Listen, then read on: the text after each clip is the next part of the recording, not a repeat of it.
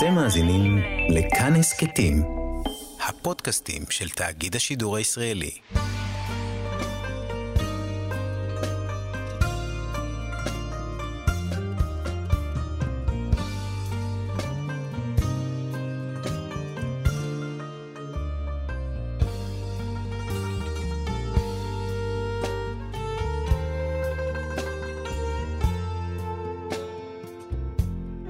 שלום, כאן מורשת חברותא לימוד משותף עם רבנים ואנשי חינוך בנושא תנ"ך, הלכה ואמונה. היום אנחנו לומדים תנ"ך עם הרב דוקטור יוסף מרקוס, מרצה לתנ"ך ותורה שבעל פה ומרכז ימי העיון בתנ"ך במכללת הרצוג.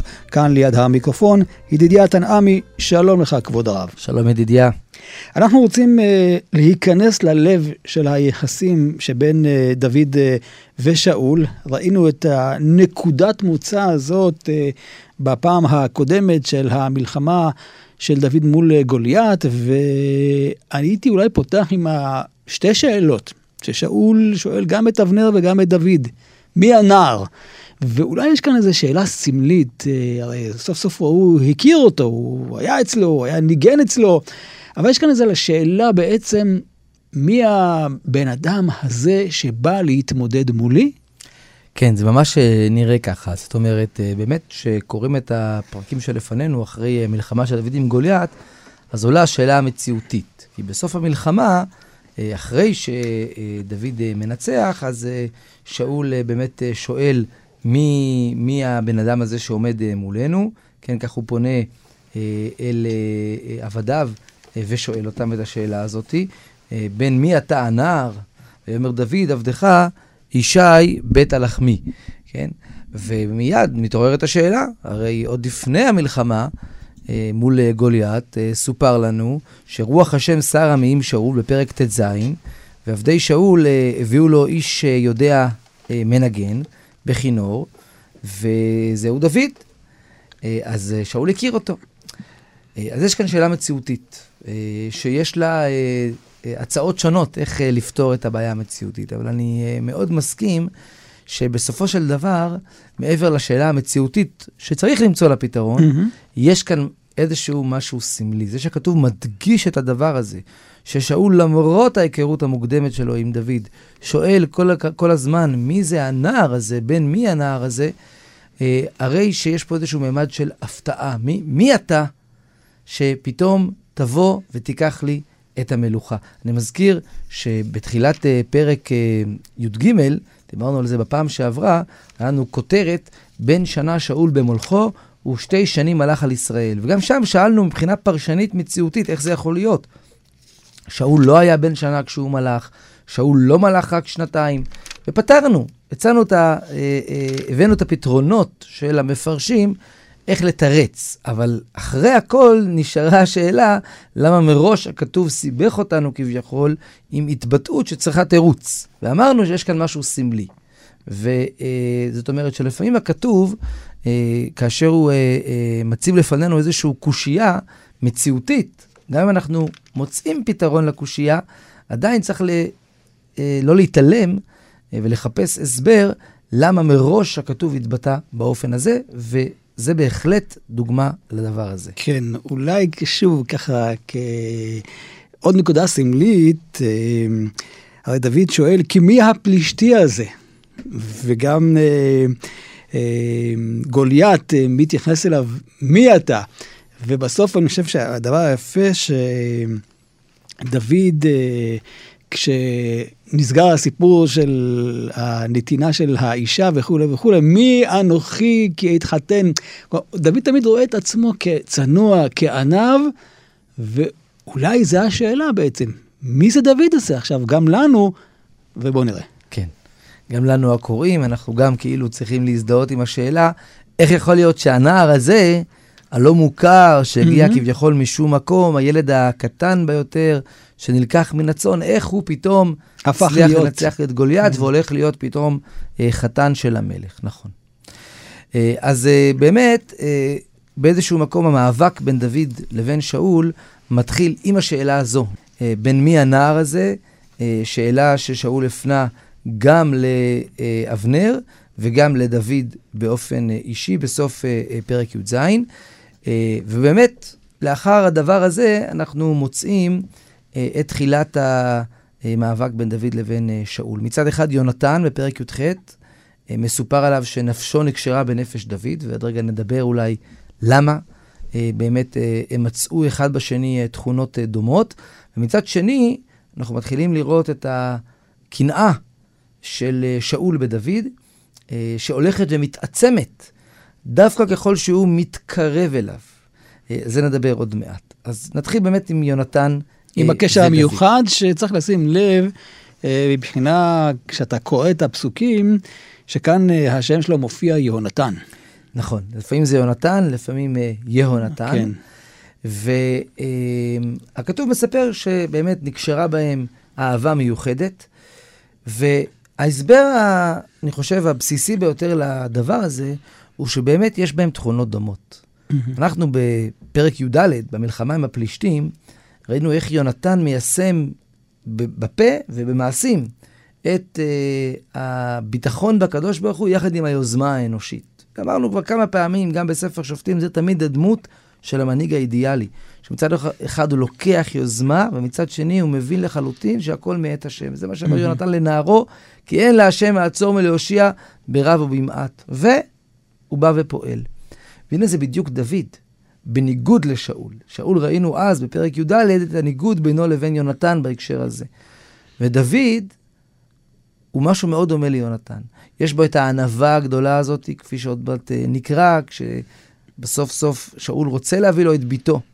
דבר שהובטח כבר מלכתחילה. אז דוד אומר, מי אני שיביאו לי את uh, ביתו של המלך? Uh, וכמובן, בדיבור שלו מול גוליית, שהוא בא ואומר, אני נלחם בשם השם, ומצד שני היוזמה. ובעניין הזה, באמת יש דמיון מאוד מאוד גדול בין דוד לבין יהונתן, ולכן באמת אה, אה, נפשם נקשרה אחד אה, בשני. למרות ששוב אני שואל את השאלה שישאל שאול את אה, יונתן, למה הוא בוחר בדוד ומנסה לקדם אותו? הרי הוא היה אמור להיות המיועד להיות אה, למלך, כי בסופו של דבר לא אמרו לשאול מי אמור להחליף אותו. נכון, אבל במלחמת עמלק זה כבר היה ברור שאחרי שאול כבר לא יהיה המשך. זאת אומרת, שאול הרי פעמיים קיבל ביקורת משמואל, ופעמיים נאמר לו שבעצם לא יהיה המשך למלכות שלו. של, שלו או גם של השבט שלו. אז או. אני חושב שכאשר היה מדובר במלחמת הפלישתים, כן. בגלגל, כאשר הוא לא המתין לשמואל, אז רק נאמר שלא תהיה מלך לעולם.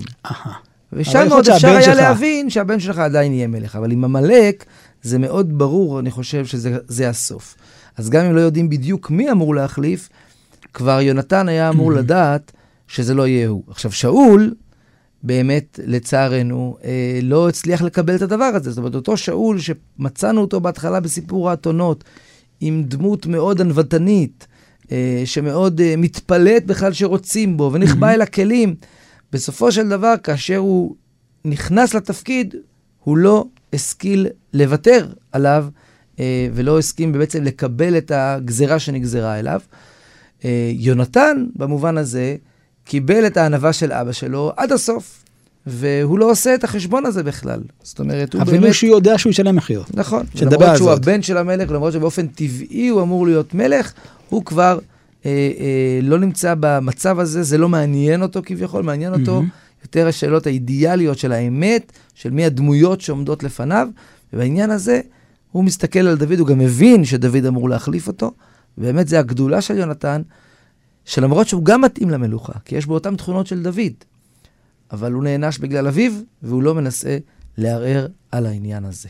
אם נוסיף עוד את הקומה של אה, החתונה של דוד אה, יחד עם שאול, העסק הולך יותר ומסתבך, כי יונתן הוא עכשיו גיס, ומירב, בסוף אה, מיכל, היא אשתו של אה, דוד, אז העסק הולך עוד יותר ומסתבך, כי בעצם המלך מתנקם בחתן שלו, אבל אני מנסה רגע לחשוב, אתה יודע שבסופו של דבר, לבן שלך אין אפשרות להיות מלך, אז לפחות תקדם את החתן שלך, זה קורה היום הרבה.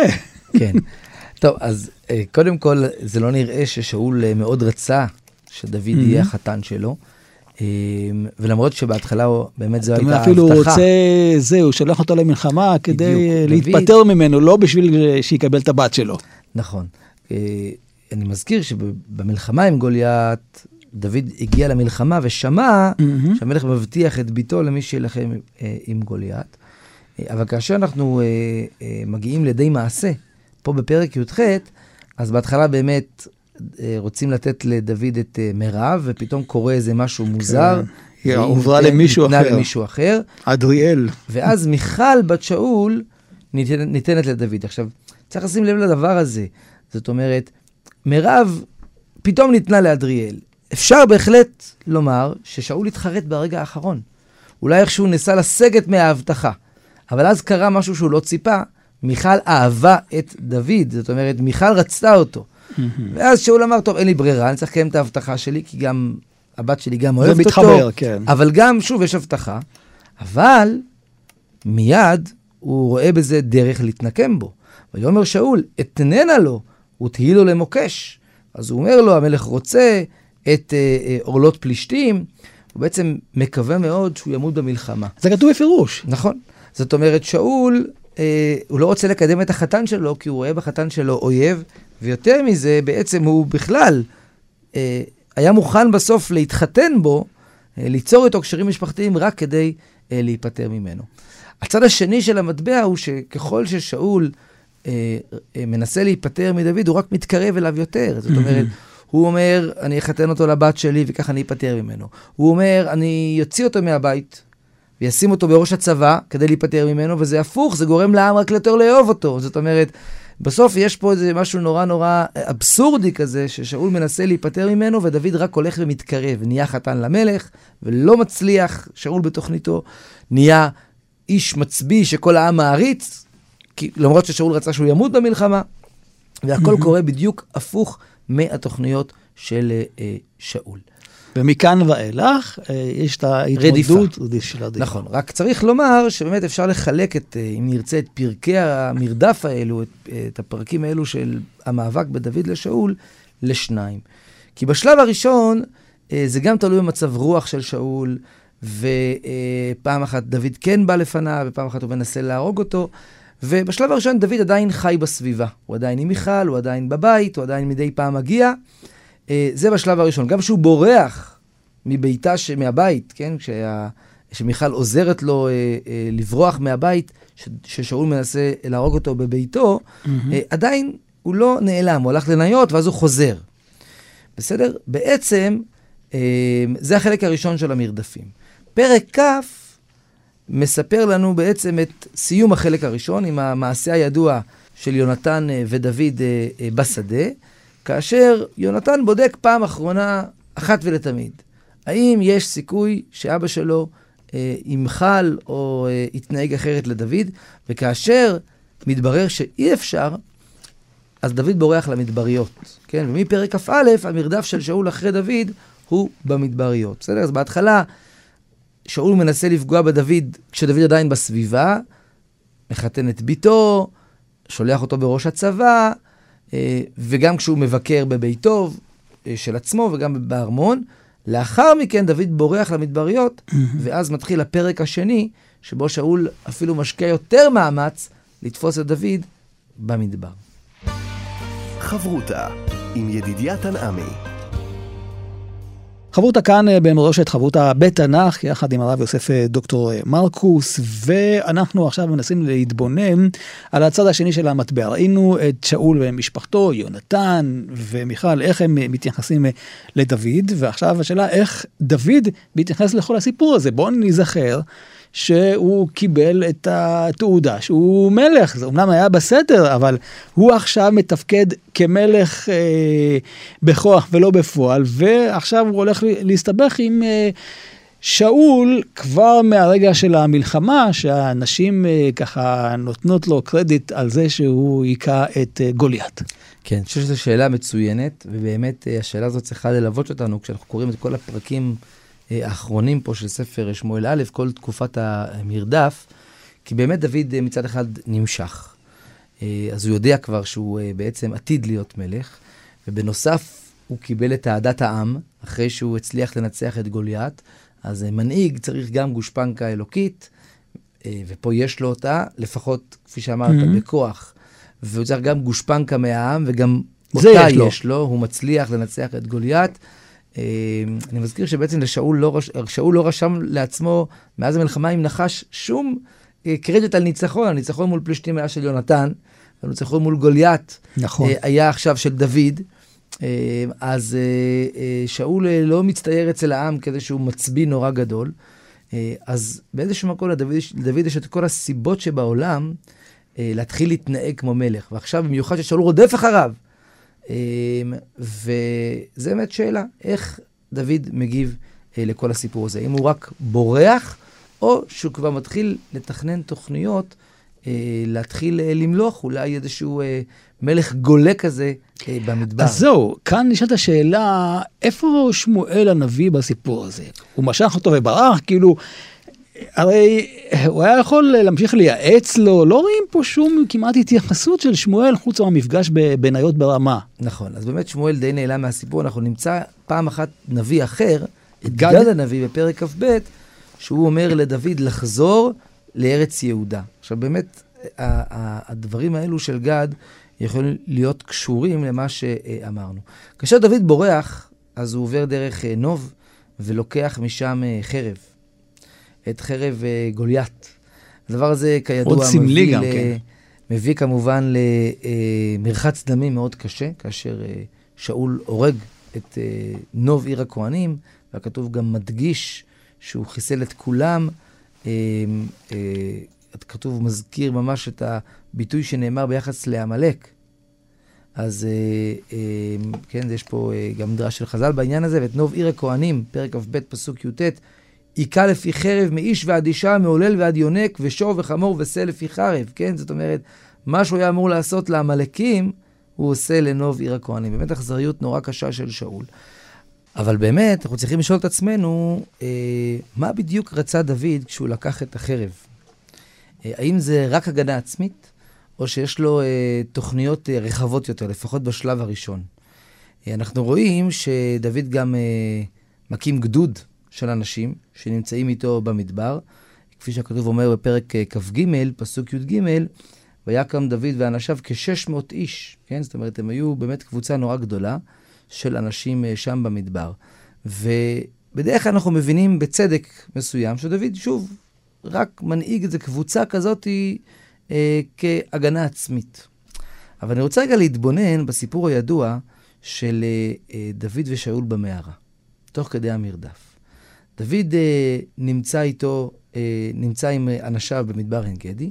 שאול לוקח שלושת אלפים איש, בחור מכל ישראל, לבקש את דוד ולחפש אותו, והוא נכנס להסך רגליו במערה.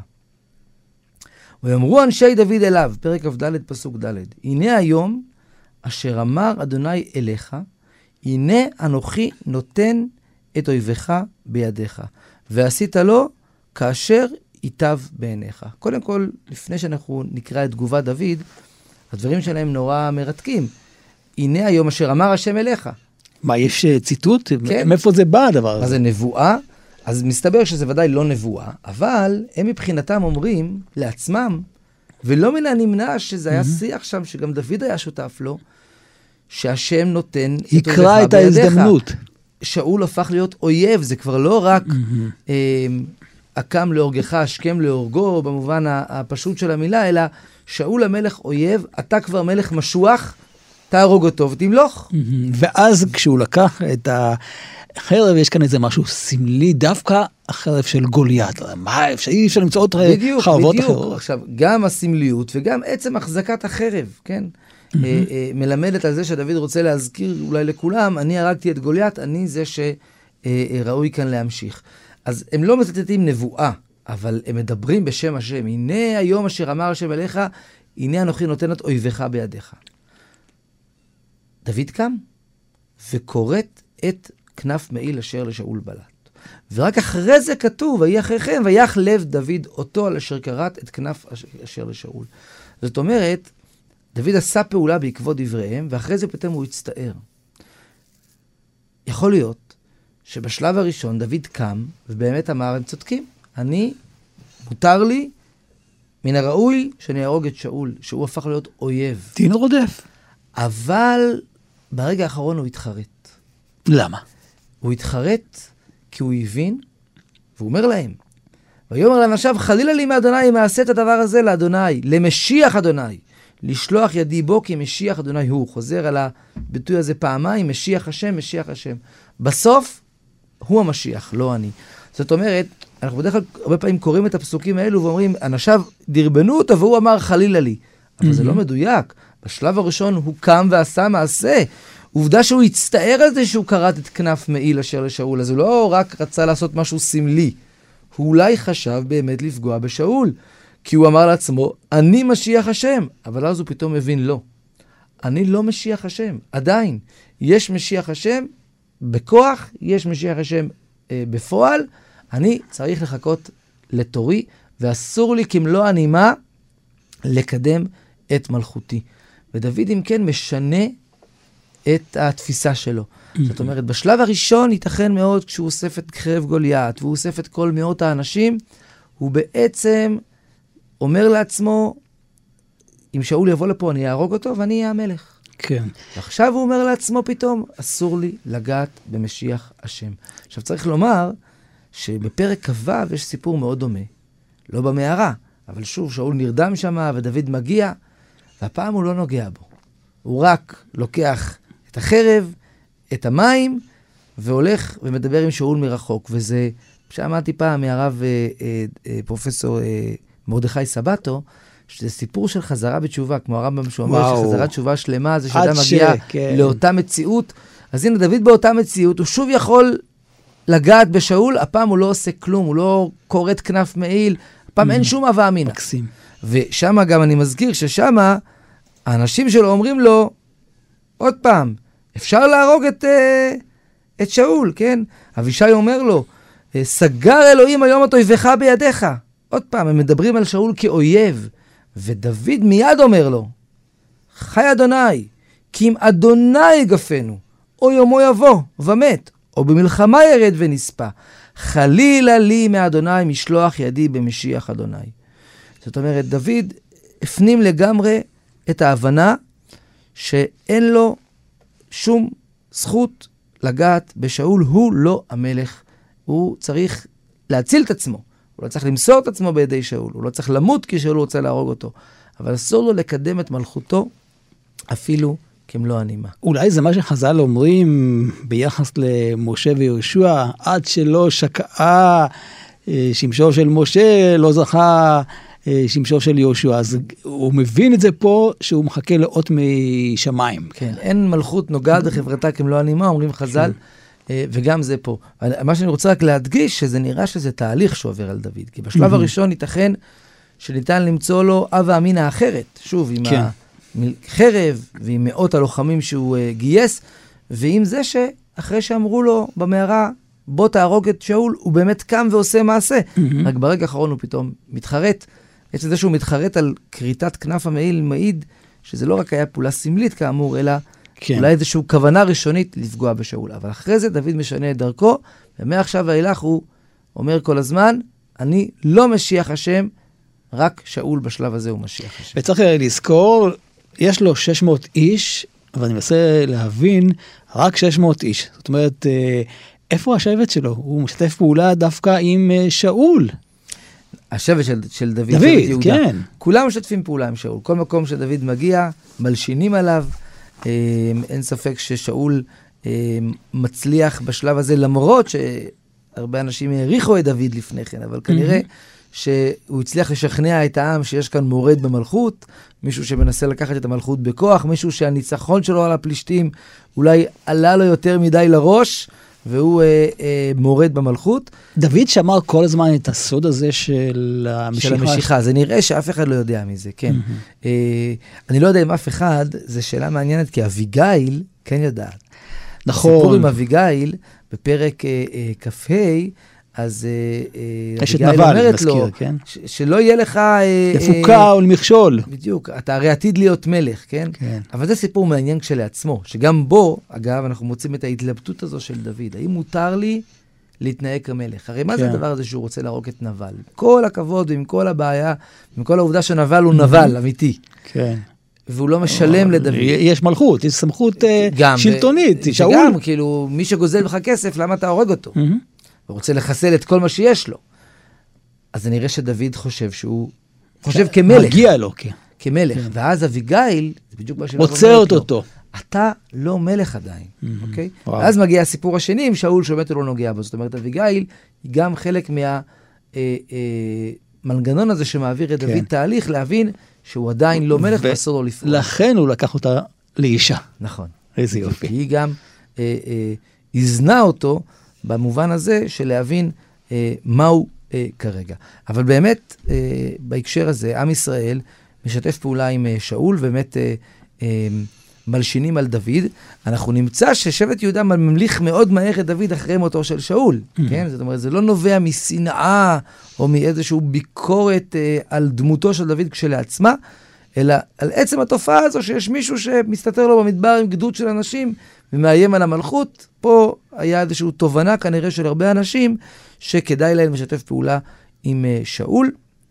Uh, uh, ובאמת דוד בהקשר הזה נשאר די לבדו עם כל מיני אנשים, כן? הרי מי האנשים האלה שהוא נמצא איתם במדבר? אנחנו יודעים, מי שבורח למדבר זה פושעים ואנשים שנמלטים משלטון החוק ומחובות אה, וכאלו אה, אנשים. אה, דוד אה, לא רק מחכה וממתין, הגדוד שלו גם תוקף, בעיקר את המלכים. העמלקים וכולי, זאת אומרת, הוא עושה שם כל מיני אה, אה, דברים, הוא איזשהו אה, גדוד צבאי אוטונומי. אבל כאמור, בשלב השני דוד מבין שמבחינת היחסים עם שאול, הוא צריך להמתין, ואסור לו לראות את עצמו כמשיח השם. בחלק הראשון, עוד לפני הסיפור של השדה עם יונתן, זה לא לקחת סיכון של אה, דוד, אה, הוא יודע שהוא יהיה מלך, והוא כל הזמן נותן אפשרויות לכאורה לשאול לחסל אותו. בשלב הראשון הוא יודע, אבל הוא לא מנסה לקדם שום דבר, הוא... אה, אני שואל למה הוא לא ברח לפני כן, זו כן, השאלה. זה נראה שיש בו תמימות מסוימת. אולי הוא רצה להמשיך ללמוד משאול את גינוני המלכות? גם זה יכול להיות, כן, אבל אני אומר, לא צריך להגיע לזה, כן. זאת אומרת, אפשר בהחלט, אבל באופן הכי פשוט, נתן איזה צ'אנס, אתה אומר. הוא אומנם נמשך, אומנם שאול מקנא, בסדר. כן, הוא קנאה- עדיין, אתה אומר שהוא עדיין החתן של המלך. נכון. צריך לזכור את זה. קנאה- היא לא אמורה להעביר את הדם על דעתו עד כדי כך. כן. כן, אנחנו יודעים תגיד, שחז"ל עד אומרים. כמה הוא שמח על מיכל ובמיוחד על יונתן? כי במבחן של יונתן אתה רואה שם שהוא מאמין אותו בסיטואציה של תכלית איפה אתה. אז זו שאלה מעניינת, כי מה בדיוק קורה שם ב, ב, גם בשדה? כן? אה, דווקא זה נראה שדוד ויונתן יש ביניהם אמון מוחלט. הסיטואציה בשדה, אנחנו באמת חוזרים אחורה אה, ככה, יש שם משהו מוזר קצת, כי בשלב, בעצם הם קבעו איזושהי תוכנית, בסדר? דוד כן. מסתתר בשדה, יונתן ישאל את אבא שלו מה קורה, יברר, ירחרח, אם הוא יגלה שקלטה הרעה, אז הוא יבוא לשדה, יירה את החצים, אם הוא יגיד לנער ככה, החצים ממך והלאה, הלאה. אז דוד צריך, דוד יודע שהכל אה, בסדר, והוא יגיד החצים ממך לכאן, אז דוד צריך אה, אה, לחשוש. עכשיו, עצם הדבר הזה מעיד שהם לא היו אמורים להיפגש, כן. הם עושים סימן. אה, בסוף הם מתחבקים. אבל בסוף הם מתחבקים כי הם לא התאפקו. אבל לקחו את הסיכון להיתפס, אבל להיפרד בכל זאת באיזשהו מפגש פנים אל פנים. אבל זה נראה שעם יונתן באמת האמון של דוד הוא אה, מושלם. ושוב, גם מצידו של דוד וגם מצידו של יונתן. הם כורתים ברית אחד עם השני, יונתן מבין שדוד אמור להיות מלך, הוא מכיר מלכים שהורגים את צאצאי המלכים הקודמים כדי שלא יהיה אף אחד שיטען לכתר. כן. ודוד מבטיח לו, אני לא אהיה כמוהם. ואנחנו מכירים את דוד באמת מאוחר יותר, שמנסה לחפש ולגמול חסד לצאצאי שאול. חברותה עם ידידיה תנעמי. חברותא כאן במורשת יחד אה, עם הרב דוקטור יוסף אה, מרקוס, ועכשיו אנחנו חוזרים אל שאול בעצם לחלק האחרון של החיים שלו, הנפילה בגלבוע, ורואים כל הזמן הידרדרות אצל אה, שאול, ועד כדי כך שהוא אפילו מסתייע בבעלת אוב, הוא הולך לשאול מה לעשות. נכון. אז מצד אחד, באמת, שאול הוא דמות ששוב התחילה במקום מאוד מאוד גבוה מבחינת ההתאמה שלה למלכות, הענווה הגדולה, אה, אבל ברגע שהוא לא עמד בניסיונות שעליהם דיברנו בעבר, והוא נענש, הוא לא הצליח לקבל את הדבר הזה, והקנאה אחזה בו, אה, קנאה שהביאה גם לשפיכות דמים Mhm. גדולה ולרדיפה סיזיפית אה, אחרי דוד. אבל באמת, אם מסתכלים, אפשר למצוא שתי נקודות אור? מאוד מאוד אה, בולטות של אור ב- ב- באישיותו של שאול, גם באמצע של תהליך הרדיפה וגם בסוף. וזה קשור לשאלה, מה בסופו של דבר יותר חשוב לשאול? עם ישראל או להרוג את דוד? כי אנחנו רואים שמצד אחד הוא משקיע המון אנרגיות ברדיפה אחרי דוד. הוא לוקח אפילו, כתוב, וכל העם איתו.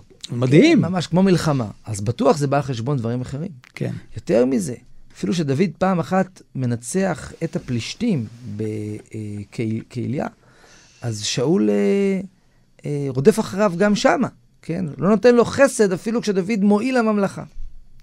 אבל מצד שני, יש לנו סיפור בפרק כ"ג, שדוד אה, אה, נמצא במדבר ושאול רודף אחריו, ושאול כמעט תופס אותו במדבר מעון. ואז יש וילך שמועה. שאול מצד ההר מזה, ודוד ואנשיו מצד ההר מזה, ודוד נחפז ללכת מפני שאול, ושאול ואנשיו עותרים אל דוד ואנשיו לתופסם. זאת אומרת, עוד רגע זה נגמר. ומלאך בא אל שאול, פרק כ"ג, פסוק כ"ז, מהרב אליך כי פשטו פלישתים על הארץ. וישוב שאול מרדוף אחרי דוד. הוא מפספס את ההזדמנות חיים שלו, לכאורה, שאול. בדיוק. זה, וזה נקודת אור מאוד גדולה, שאומרת שעם כל הקנאה והרדיפה אחרי דוד, ברגע האמת, כשהוא היה צריך לבחור, האם אני תופס את דוד, או הולך להציל את עם ישראל מיד פלישתים, הוא הלך אחרי אה, הפלישתים, להילחם בהם, ועזב את דוד. זו נקודת אור נורא גדולה. שוב, היא אור בחושך, זאת אומרת, יש פה באמת אה, קנאה גדולה, אבל אה, זה בכל זאת נקודת זכות לשאול אה, בשאלה מה יותר אה, חשוב לו. זה נקודה אחת. והנקודה השנייה היא בסיפור בעלת האוב והמלחמה בגלבוע. כפי שאמרת, לכאורה, עצם ההליכה שלו לבעלת האוב היא דבר אה, מאוד אה, קשה. כן, הרי שאול עצמו אה, החריט את כל בעלי האוב, כפי שאומרת לו האישה. אה, ולמה הוא הולך אליה? כי הוא בחוסר ביטחון נורא גדול. הוא יודע שהשם לא איתו, והוא מפחד במלחמה עם הפלישתים בגלבוע, אה, והוא אה, הולך בכל זאת לחפש לו אה, דרך לדעת מה יקרה. הוא מעלה את שאול אה, באוב, אה, לא ניכנס פה לכל פרטי הסיפור, אה, ושאול אה, אה, כועס עליו, למה העלתני? והוא אומר לו, שאול אומר לו, אני נורא פחדתי, מה יקרה? השם לא עונה לי, האם אני אנצח את הפלישתים? לא אנצח את הפלישתים. אז שאול, שמואל מבקר אותו, על, שוב, על עצם זה שהוא העלה אותו, ואומר לו, אבל בסוף, תדע לך שאתה תמות. מחר אתה ובניך, יחד עם כל עם ישראל, שיפסיד במלחמה. ואז הוא נמצא בדילמה, מה לעשות? בדיוק. זאת אומרת, מצד אחד, אפשר לומר, טוב, ברור, הוא, ש... הוא שמע שהוא ימות, מה יש לו לעשות? אבל מצד שני, אנחנו יודעים, הוא כל החיים שלו רודף, אה, אה, בורח מהגורל שלו. כן, הוא יודע גם שהוא לא אמור להיות מלך, והוא נלחם בגזרה האלוקית. אז גם פה היינו מצפים לומר, טוב, הוא יילחם בגזרה האלוקית. דהיינו, לא יבוא לקרב. אם הגזרה האלוקית אמרה לו שהוא מפסיק להיות מלך, והוא ניסה בכל זאת להמשיך להיות מלך, אז גם פה, הגזרה האלוקית אומרת לו שהוא ימות, אז הוא ינסה לא למות. איך? לא לצאת לקרב. והוא בוחר ללכת לקרב. הוא בוחר להילחם עם עם ישראל. זאת אומרת, שוב אנחנו רואים את המסירות שלו כלפי עם ישראל במלחמה אה, מול הפלישתים, אה, מלחמה שבה הוא מסיים את אה, אה, חייו. זאת אומרת, ברגע האמת, אנחנו למדים שבכל מה שקשור לדוד ולהמשך המלוכה שלו, הוא באמת לא הצליח לקבל את הגזרה האלוקית ואת העונש שהוא קיבל מיד שמואל, וניסה בציפורניו איכשהו להישאר להיות אה, מלך. אבל בכל מה שקשור לפלישתים, לדאגה לעם ישראל מול הפלישתים, שאול נשאר כמי שבאמת דואג לעם ישראל, ומוכן לשלם על זה מחיר כבד, אפילו את חייו, אה, ולא מנסה לברוח מהמלחמה, אה, אה, וכך הוא מוצא את מותו. כך אפשר להבין באמת בסוף את אה, דברי אה, אה, דוד, נכון? כשאנחנו נשמע לבסוף. בספר שמואל ב' את הקינה של דוד אה, על אה, אה, שאול ויונתן, אז במידה מסוימת אפשר ככה להשתומם רגע, כן? כאילו, מה, מה, מה אומר דוד על שאול? מילא על יונתן, כן? אבל ככה לדבר על שאול ולומר עליו מילים כל כך נרגשות, קודם כל הקינה באמת היא גם על שאול ועל יונתן, כן, הצבי ישראל במותיך חלל איך נפלו גיבורים, שאול ויונתן הנאבים והנעימים בחייהם, ומותם לא נפרדו. אה, זאת אומרת, איך הוא מדבר? אה, ובנות ישראל אל שאול בחינה. מה בין זה לבין שנות המרדף הקשות האלו? הוא עשה ניתוק. בדיוק. זאת אומרת, דוד בא ואומר, בסדר, אין ספק, זה לא בסדר, הוא לא פתאום אומר, מותר היה לשאול לרדוף אחריי. אבל דוד באמת מנתק בין החוסר יכולות של שאול להשתחרר מהרדיפה ממנו, לבין הדאגה שלו לעם ישראל, וזה עיקר מה שהוא אומר כאן בקינה. שאול אכן דאג לעם ישראל, שאול אכן רצה שעם ישראל ישתחרר מהעול הפלישתי, והיה מוכן גם למות על זה, ולכן מגיע לו אה, כזו קינה, וגם ראוי לקרוא לו גיבור. בסופו של דבר, כשאתה מתבונן מבט ממעל על אה, מלכות אה, שאול, גם מבחינת הפשט, גם הדרש, דברי חז"ל, שאול נחשב כמלך טוב. אז שאול אה, נחשב כמלך שלא עמד במשימה, אני חושב. זאת אומרת, כניסיון המלכות הראשון שלא צלח. שבמידה מסוימת זה צפוי מראש. אה, ברור שהכל כאן זה בחירה חופשית. תקופת הרצה. אה, אבל תקופת הרצה שקשורה, לא, לא בגלל שצריך אה, טירונות כזו. כן, כי זה בא מהעם. אלא בגלל שזה בא מהעם בצורה לא נכונה. זאת אומרת, בסוף מלכות שמגיעה אה, מחטא, או כתוצאה מחטא של הבקשה של העם, אז באמת הסיכוי שהיא תצליח היא, היא, היא, היא, היא לא, הוא, לא, הוא לא גדול. כן. אה, אז שאול היה לו את הבחירה החופשית שלו, כן? ואנחנו צריכים ללמוד מהמהלך של שאול, אה, אה, גם בין השאר, גם את העובדה שגם אדם שהוא מאוד מאוד עניו ובורח מן הכבוד, כשהוא מקבל את התפקיד, זה לא אומר שהוא יכול להישאר ככה, והוא צריך מאוד לעבוד על עצמו. תראו, אנחנו עוד פעם חוזרים כן. לפרשיות המלכות, פרשיות המלך בספר דברים, פרק י"ז, שהמלך צריך מאוד מאוד לדאוג שלא ירום כן. לבבו מאחיו, ללכת עם ספר תורה. מלכות יכולה באמת לעשות לבן אדם דבר לא טוב, אפילו אם הוא מתחיל ממקום מאוד מאוד חיובי. אה, אז מצד אחד יש את הבחירה החופשית של שאול, שבאמת ברוב הזמן לא עמד בציפיות ממנו, גם כן. בניסיונות, בהתחלה וגם אחרי זה, בזה שהוא רדף אחרי דוד וניסה להרוג אותו, וגם הרג את עיר, אה, את נוב עיר הכהנים ו, ושפיכות דמים וכולי. מצד שני, צריך להסתכל על זה גם במבט כולל, שמלכות שאול לא מצליחה, כי הולדתה, הורתה, בחטא. בסופו של דבר, דוד, אה, שעבר את הטירונות, נאמר, אצל אה, שאול בהצלחה, עם הניתוק הזה ועם ההבנה שהוא משיח השם, הוא זה שיבוא ויתקן וייסד את המלכות לעתיד. נכון, אני גם אוסיף אפילו עוד משפט בעניין הזה, ששמעתי פעם מהרב יצחק לוי, שבסופו של דבר זו מתנה לדוד, אה, מתנה קשה, כדי שהוא יתחיל להבין. להיות מלך ממקום מאוד מאוד נמוך. וואו. הקדוש ברוך הוא כדי להבטיח שהפעם זה יתראה אחרת, אז דווקא תקופת הרדיפה הייתה אמורה, או אמורה, אה, לבנות אצל דוד ביטחון מאוד גדול בקדוש ברוך הוא, ולהביא אותו להיות מלך באופן אחר. הרב דוקטור יוסף אה, מרקוס, מרצה לתנ"ך ותורה שבעל פה ומרכז ימי העיון בתנ"ך במכללת הרצוג, תודה רבה לך. תודה רבה ידידיה, להתראות. כאן ידידיה תנעמי, אנחנו נשוב וניפגש בחברות הבאה, ואפשר להאזין לתוכנית הזאת באתר כאן מורשת ובשאר יישומי ההסכתים. אתם מאזינים לכאן הסכתים, הפודקאסטים של תאגיד השידור הישראלי.